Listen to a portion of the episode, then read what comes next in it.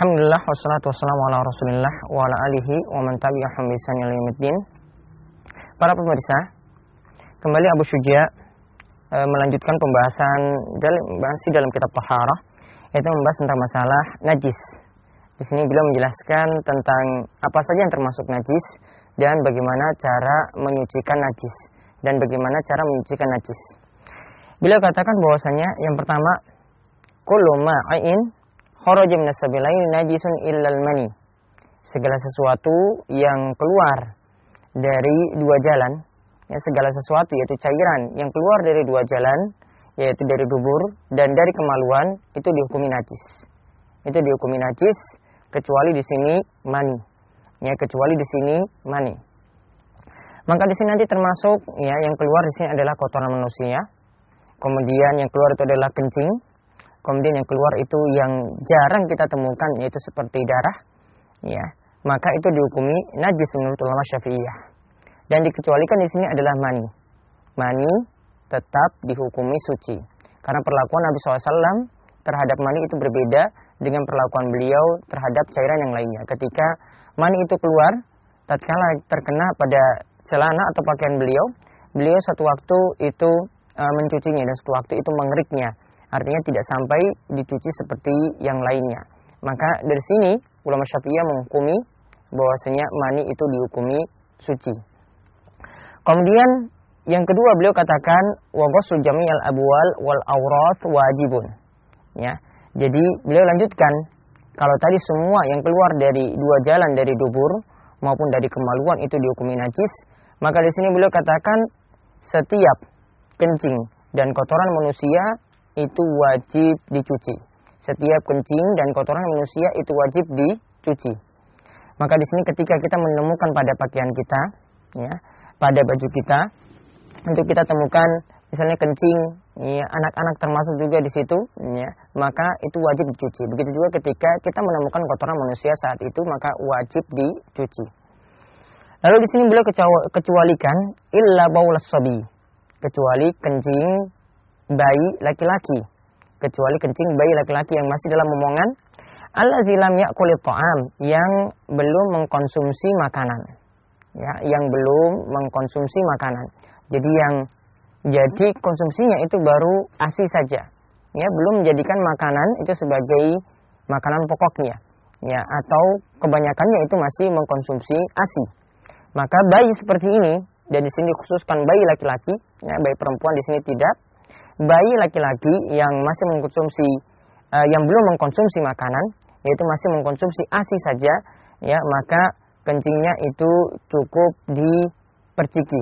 Ya kencingnya itu cukup perciki. Beliau katakan di sini kecuali bayi anak kecil ya yang belum mengkonsumsi makanan artinya yang masih mengkonsumsi ASI saja dikatakan fa innahu yathur bi ma maka itu suci dengan memerciki air pada pakaian yang terkena kencing bayi laki-laki tersebut.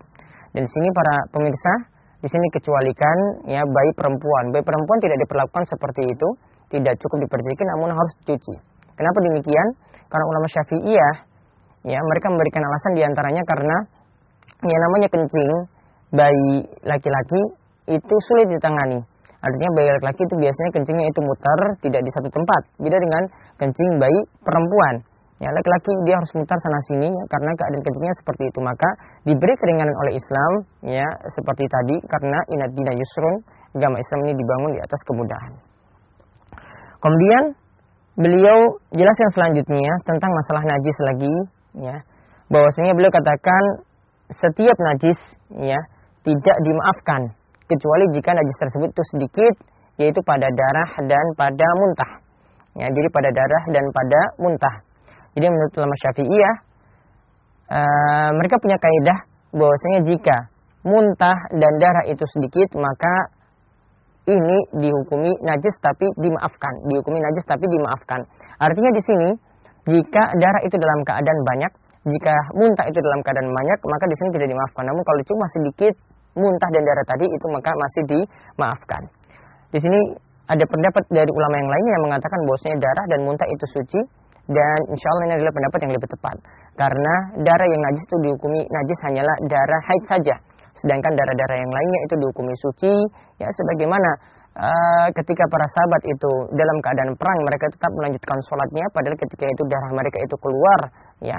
Namun mereka ketika itu tidak membersihkan darahnya dan tetap melanjutkan sholatnya hingga usai begitu dengan masalah muntah di sini ada ada hadis yang bicarakannya tetapi hadis tersebut adalah hadis yang lemah kemudian selanjutnya beliau menyinggung lagi tentang masalah ya binatang yang darahnya itu tidak mengalir seperti semut seperti lalat ya maka beliau katakan di sini wa mala nafsu lahu sa'ilah idza waqa'a fil ina wa mata fihi la yunajjisuhu.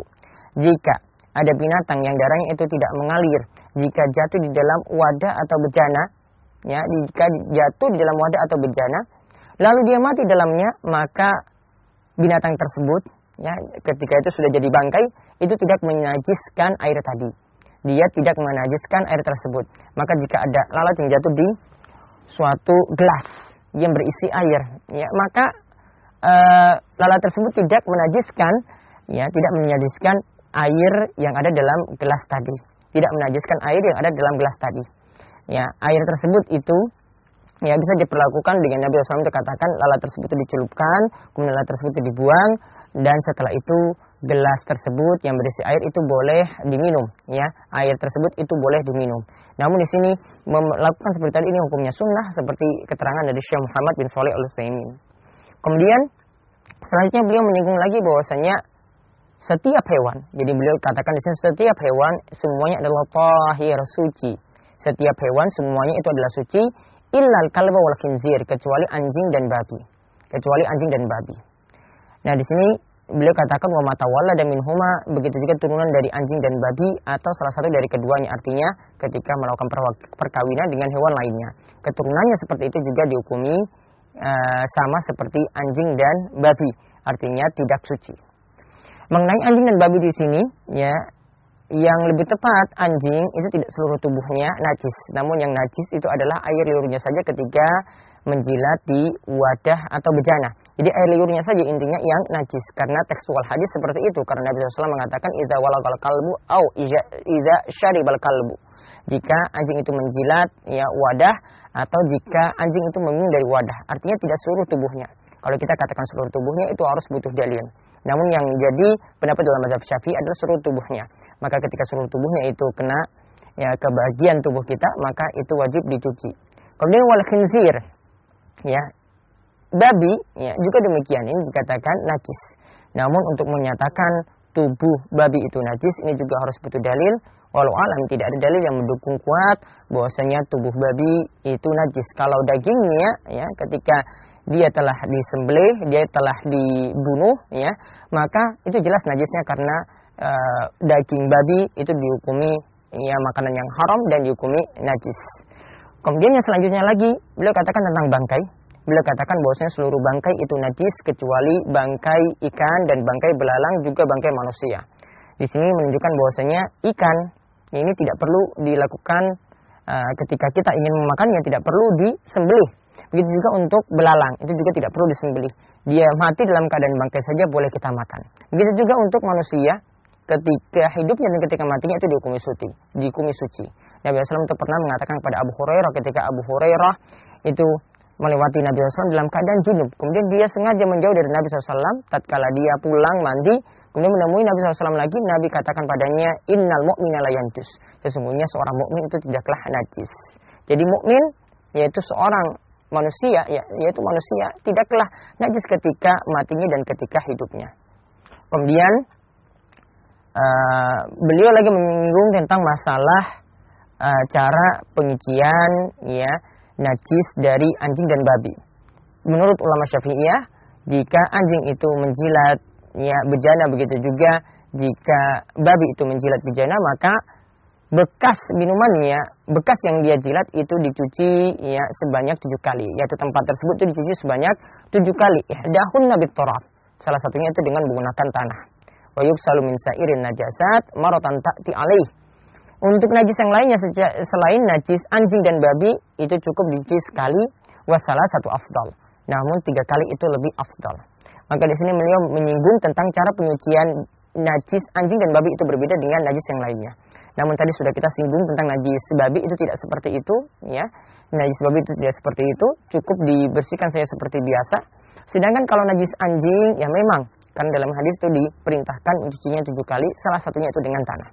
Adapun misalnya kencing, adapun tadi kotoran manusia, adapun ya menurut ulama syafi'i itu darah ataupun muntah, ya maka itu cukup dicuci sekali.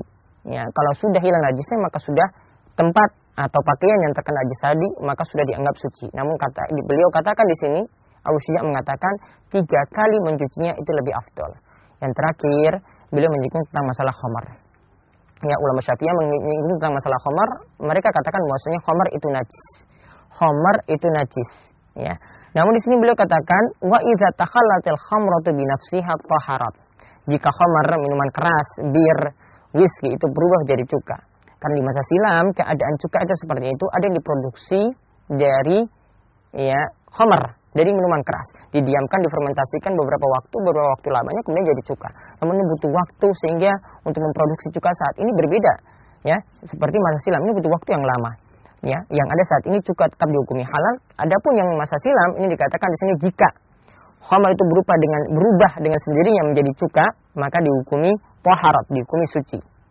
Lalu wa in hulilat bi tarhi syai'in fiha, namun jika uh, cuka tersebut tuh di ubah dari khamar ya dengan ditambahkan suatu zat tertentu di dalamnya lam tathur maka uh, cuka tersebut tidaklah suci.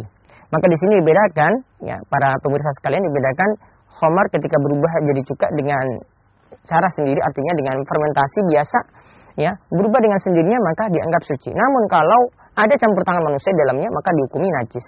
Namun di sini kami beri catatan sebagaimana yang kami sebutkan tadi, adapun cuka untuk saat ini ya atau disebut dengan vinegar ya, maka itu tidak ada masalah.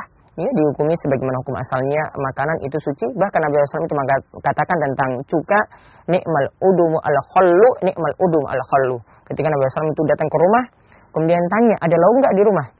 Kemudian istri-istri beliau katakan tidak ada maka diberi disodorkan. Cuka ketika itu lalu beliau dalam rangka memuji makanan beliau katakan sebaik-baik sebaik sebaik-baik lauk itu adalah cuka sebaik-baik lauk itu adalah cuka maka di sini dihukumi bahwasanya cuka atau vinegar itu hukum asalnya adalah suci dan halal kita makan ya karena prosesnya ini beda dengan di masa silam Adapun khamar, wallahu alam pendapat yang lebih tepat dalam hal ini sebagaimana hukum asal sesuatu itu dihukumi suci, khamar juga demikian dihukumi suci karena dalil-dalil yang ada uh, tidak kuat untuk mendukung bahwasanya khamar itu najis. Bahkan ada dalil yang mengatakan suci ketika khamar itu diharamkan, khamar itu dibuang di jalan-jalan di kota Madinah dan Nabi SAW tidak memerintahkan untuk membersihkannya. Dan ini di antara alasan kenapa khamar itu dapat dihukumi suci. Walau alam ini yang disampaikan seputar najis dan cara pembersihan najis, cara penyucian najis yang disampaikan oleh Abu Syuja mudah-mudahan bermanfaat. Wassalamualaikum warahmatullahi wabarakatuh.